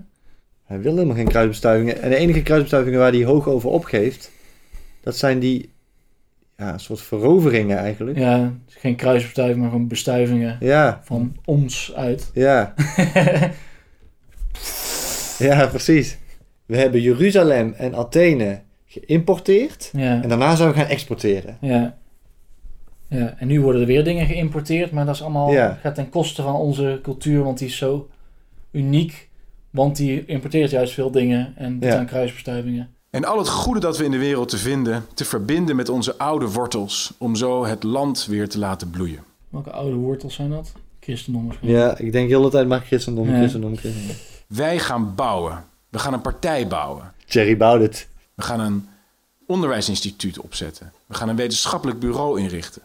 Een sociaal netwerk. Niet alleen gaat hij dit doen, maar hij gaat ook eh, organiseren zomerkampen. Hij wil een eh, alt-right variant van de lange mars door de instituties uit de jaren Hmm. 60. Ik vraag me af wat hij zou zeggen als de SP dit zo zou formuleren. Hij zegt ook eh, in dat interview met Boris van Ham... we moeten naar een nieuwe verzuiling. Ja, ja, ja, hij zegt, het is nog erger. Hij zegt, we moeten een nieuwe zuil vormen. Ja. En later zegt hij, we moeten van de verzuiling af. Je moet echt een zuil gaan bouwen. Verzuiling. We, Daar moeten we allemaal vanaf. Wij willen een nieuwe zuil bouwen als vorm van democratie. Met nieuwe ideeën, nieuw jargon, nieuwe elite, weet ik het allemaal. Maar, moeten maar die verzuiling met dat is- islamitische onderwijs Ja. en die verkokering van de partijen, dat moet allemaal weg. Ja, dan denk ik, oké, je wilt volgens mij gewoon één grote zuil. Ja, jij wil en dat is jouw zuil. Jij wil gewoon aan de beurt zijn. Ja, ja aan de beurt. ja. En je slaat maar in, je, je smijt maar van allerlei termen Ja. en samenzweringstheorieën en beschuldigingen overal heen. Mhm. Om te kijken wat Dat er is blijft, het, hoor. Wat er Hij blijft is een miskende intellectueel. Ik zou natuurlijk eigenlijk gewoon hoogleraar moeten zijn. Ik zou eigenlijk allemaal andere... er is niemand in Nederland die zo goed is in politieke filosofie als ik. Hij is zo'n beetje de intelligentste man van Nederland. Ja, en ja. hij eh, Waarom wordt krijg- maar niet erkend. Nee, waarom krijg ik niet de touwtjes in handen? Er moet wel een enorm complot gaande zijn, want anders was ik al lang de baas geweest. Dus Inderdaad, ja. Dus mensen die zich zorgen maken over zijn politieke Mhm. manier van doen, Ja. zoals wij, moeten zich in een oor knopen dat hij niet alleen maar een lollig figuur is om Mhm. uit te lachen, wat hij ook is. Eh, maar ook eh, iemand die eh, zijn taak, zijn heilige taak heel serieus neemt, denk Mhm. ik. ja, ja. En nu nog twee zetels heeft, maar ik denk ook heel veel stemmen van Wilders stemmers gaan krijgen Mhm. als Wilders van het toneel verdwijnt, bijvoorbeeld. Wij gaan een nieuwe elite opleiden. We gaan de huidige leiders vervangen en verslaan. Heel even de dynamiek terug en de regels weg, zodat wij de nieuwe elite kunnen worden. En dat zal mij benieuwen hoeveel dynamiek hij nog wil Ja, inderdaad. Hoewel als hij zelf aan de top staat. hij zelf aan de macht is, hoe snel die verandering wil. En hoe snel hij wil Ja. dat hij zelf uit de macht te ontzetten is. Het enige wat ik hem wel moet nageven is dat hij, dus de eerste eigenlijk van de anti-elitaire politici die stiekem zelf gewoon elite wil worden, Ja. die ik hoor die expliciet toegeeft dat hij een nieuwe elite wil vormen in plaats Mhm. van alleen maar anti-elite. Ja. Dus een kleine, kleine bloem op deze Ja. bergstront. Een stukje eerlijkheid in Ja. een zeer leugenachtig verhaal. Wij hebben de mensen om de Europese Unie te verslaan. Weer het woord verslaan, oorlogstaal vind ik, zeker in deze context. Poetin hoeft niet verslagen te worden. Nee. Assad hoeft niet verslagen te worden. Nee, Trump helemaal Trump, niet. Trump is prima, Ja. geweldig. Wat heeft hij getwitterd? Uh, Trump would not only be a great leader for America, but for the West as a whole. Ja, dat is een hypocrisie die we bijna bij elke zin kunnen aanwijzen. Ja. Maar hij heeft dingen echt helemaal verkeerd om hier, vind ik. Ja. Dictators zijn prima, de EU moet verslagen worden. En de EU is natuurlijk ontworpen om, eh, deels, om eh, dingen zoals die gebeurden in de Tweede Wereldoorlog in Europa, in het christelijke Westen, zoveel mogelijk te voorkomen. Hm. Met sterke leiders en dat soort dingen. En ook internationale samenwerking en Ja. eh, internationale mensenrechten Ja. en, en de Verenigde Naties, hoe, hoe gebrekkig die ook werkt, die organisatie. Ja. Maar dat vind ik hele waardevolle prestaties. Die heel moeilijk tot stand zijn gekomen. En, die we, en de Europese Unie hetzelfde. En dingen die we niet zomaar Ja. de deur uit moeten doen. En ook toevallig dat net in die periode van de Europese Unie en de Verenigde Naties eh, de, de, de langste eh, vredesperiode ooit is geweest op het Europese continent. hè? Ja. ja, dat is rust, het is te weinig dynamiek. Ja, ja, er De gebeurt er dynamiek, weinig. 1945 is de dynamiek uit Europa Ja, verdwenen. Ja, een beetje... We zeggen dat deel van het Westen waar je je voor moet schamen, daar ben je trots op. En het deel waar je trots op zou moeten zijn, daar schaam je je voor. Ja. We zullen niet rusten tot de democratie is hersteld en het partijkartel is gebroken. Ja, dus in ieder geval een eindeloze antibeweging, want democratie is nooit volmaakt. En Nee. Een partijkartel zal er altijd zijn. Ja. Althans, niet, in, niet echt, maar Ja. er zal altijd een, een, Ja. een groep van machthebbers zijn die samen het zal moeten zien te rooien. Perfe- perfect eindpunt plaatsen aan de horizon. Ja. Waar de perfectie zal zijn bereikt, Ja. vind ik ook heel link. We gaan bindende referenda en volksinitiatieven introduceren. Open sollicitaties voor publieke functies. Gekozen burgemeesters en sanering van de onpartijdige en eenzijdige en vooringenomen NPO. Ik denk dat daar partijdige moet staan. Ja. ja, ook een stokpaardje van eh demagogen Ja. eigenlijk. Hè? Mainstream media. Ja, de journalistiek. Want, want het is natuurlijk niet alleen de NPO, het is ook de Volkskrant en, eh, Ja, en ja, het ja. NRC en al de... De mainstream media, die zijn helemaal, staan helemaal aan de kant Ja. van die elite, van die oikofobe Ja. elite. We gaan opnieuw voorbij onze horizon reiken. Dag terugtrekken in onze schulp. Ja. Ook meer. Weg van de EU. Ja. Weg van een aantal mensenrechten, internationale. eh Ja. Grenzen dicht. heel weinig immigranten. Ja. Heel streng green card beleid. Op welke manier gaan we dan nog voorbij onze horizon reiken? Banden met Rusland en Turkije Oh ja, aanhalen. natuurlijk, ja, ja, en Trump. ja. Trumps Amerika. Ja, ja. Ja, Rusland is misschien een nieuwe horizon. We gaan een nieuwe renaissance teweeg brengen. Waarin ons zelfvertrouwen is hersteld. Waarin we weer veilig kunnen leven in een vertrouwde omgeving. Waarin de democratische rechtsstaat is hersteld. Dat zo'n fan als Baudet van Trump en Poetin eh, durft te praten over het herstel van de democratische Hmm. rechtsstaat, vind ik Hmm. echt alle schaamte voorbij. Ja. En aan wat hij allemaal zegt, is hij ook niet, heeft hij het ook niet zo hoog op met de democratische rechtsstaat. Ik vind Baudet echt een tegenstander van de democratische rechtsstaat. Forum voor Democratie is het vlaggenschip van de renaissancevloot. En andere schepen kunnen zich bij ons voegen. In het interview met Boris van der Ham zegt hij, verwijt hij andere politici een messias-complex te hebben. Het is een mijnenveld van, eh, van mensen die vaak een soort quasi-religieuze roeping voelen, messiasachtige complexen. Nou, sorry, Ja. maar dit is, eh, dit is regelrecht een messias-complex. Ja. Er is een acuut gevaar. Onze cultuur gaat aan onder. Dus er moet een renaissance komen. Forum voor Democratie is het vlaggenschip van die Mhm. renaissance vloot. En die Ja. staat daar aan het roer met eh, zakken vol lavendel in het ruim, eh Thierry Baudet. We willen met iedereen samenwerken. Klein beginnen van een partijkartel al. Ja, en ook we willen met iedereen samenwerken. Je hebt net de helft van de politici zo'n beetje uitgemaakt voor staatsvijand. Oh, ja. oh, ja. Ja. Ja. Ja. Nou wil je ineens weer samenwerken. Ja, ik, ik, ik ben heel open, maar Ja. niemand wil met ons. Ja, de- ik heb net gehoord wat je over mij hebt gezegd. Ja. En wat jouw ideeën zijn. Ik bedoel, hij heeft net gezegd, niet eh, andere partijen zijn het niet met ons eens. We hebben tegenstanders die we moeten overtuigen. Nee. Nee, we hebben vijanden in ons uniform. Ja, en die dus vernielen ons van binnenuit. Het partijkartel. ja, we hebben een auto-immuunziekte. Natuurlijk willen we daarmee samenwerken. Ja. Ja, zodat als andere partijen er niet op ingaan, Ja. dan zijn het die vijanden. Nee, precies. Dat is wel, inderdaad. Ik, ik heb gewoon maar ik zeg Ja. dat ik met iedereen wil samenwerken. Ja. En zij hebben blijkbaar iets. Wat heb ik nou weer gezegd? We gaan niet onderling ruzie maken. Geef ze de tijd. We gaan ook geen lijstverbindingen aan. We vertrouwen op eigen kracht. Eigenlijk net zoals we vinden dat Nederland weer op eigen kracht moet vertrouwen. Wat als onze eigen kracht nou internationale en met name Europese samenwerking is? Ja, bepaalde echt grote Nederlanders en of Nederlandse prestaties. Spinoza bijvoorbeeld. Die een Spaanse Jood was. Maar die voor het christendom, eh katholicisme, moest vluchten eh, naar Nederland om daar zijn eh, liberale filosofie en seculiere filosofie te kunnen ontwikkelen in, in vrede. Ook, ja, bijvoorbeeld, hè? Die heeft op ons duizend gulden biljet gestaan. En, te- Ja. en terecht, wat mij betreft, eh, Spinoza. Ja.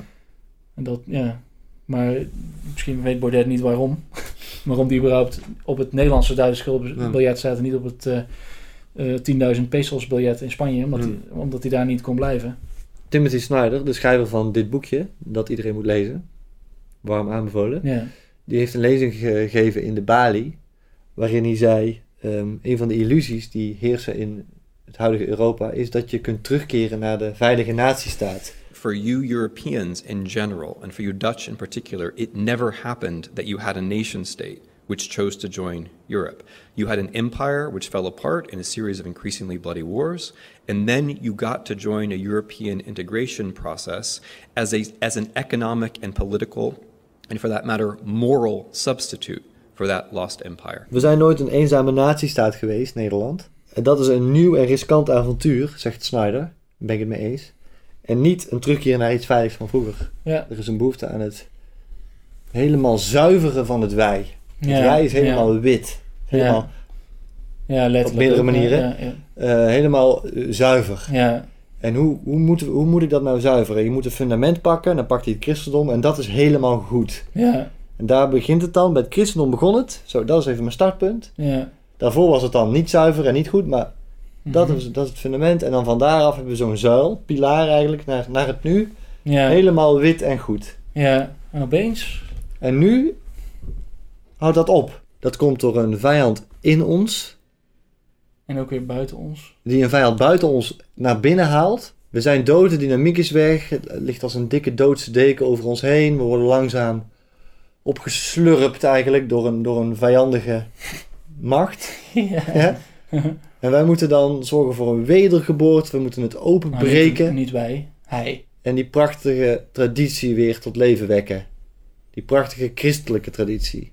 En nu leg ik het nog consistenter uit dan het in werkelijkheid is. Want hij is ook nog hypocriet. Hè? Hij zegt Ja. ook nog... eh, het is een schijndemocratie, alles zit op slot. Maar we gaan toch meedoen aan de verkiezingen. En als we dan winnen, zijn we gewoon blij. En dan zeg ik niet, oh, het was toch een echte democratie. Ja. Yes, top. Ja, ja, bedankt. Hallo? Het was toch een schijndemocratie? Hoe kan dit dan? Hoe, hoe is dit dan? Ja, ongelooflijk. Eén hokje verder. Ja. Dan gaan we daar staan schreeuwen. Ja, en dan op een gegeven moment komt hij op Kalverstraat. Dat is eigenlijk de methode Trump en dat werkt. Eh, en, en voordat de methode Trump was, was denk ik de methode Poetin. Dus, Het is ook de methode Wilders trouwens. Ja, methode Wilders is het ook. Het is gewoon eh, demagogisch. Ja. En dat zal nog tot daaraan toe zijn. Maar met ook nog ideeën die ik in vind gaan tegen de democratische rechtsstaat. Ja. En datgene dat echt ideologisch is, dat consistent aan hem is, Ja. is heel onverkwikkelijk. Baudet eh, is natuurlijk een veelbesproken en ook bekritiseerde Mm. persoon. Wordt door sommige mensen fascist genoemd en weet ik Mm. allemaal. Zover eh, wil ik niet gaan om een fascist te noemen. Ehm is ook helemaal niet nodig. Volgens mij kun je ook kritiek op iemand leveren zonder dat hij meteen het ergst Mm. mogelijke moet zijn. Dus mochten mensen het idee krijgen van we zijn nu Baudet aan het demoniseren of wat dan ook. eh, ik hoop het niet. Hij is alleen een eh, hele negatieve aanwezigheid in het politieke landschap. En hij moet met argumenten zoals wij nu doen en eh, door stemgedrag hopelijk kleiner gehouden worden Ja. of, of helemaal niet meer verkozen worden. Ja, misschien moet hij gewoon romans gaan schrijven. Ja. Fictie. Ja. Niet dat ik die dan ga lezen, maar... Nee, nee, nee, maar gewoon eh, blijft hij bezig. kan hij zijn ei Ja. kwijt. Ik bedoel, hij schrijft nu ook fictie. Ik, dit is ook een fantasie. ja, ja. alleen hij doet alsof het echt is.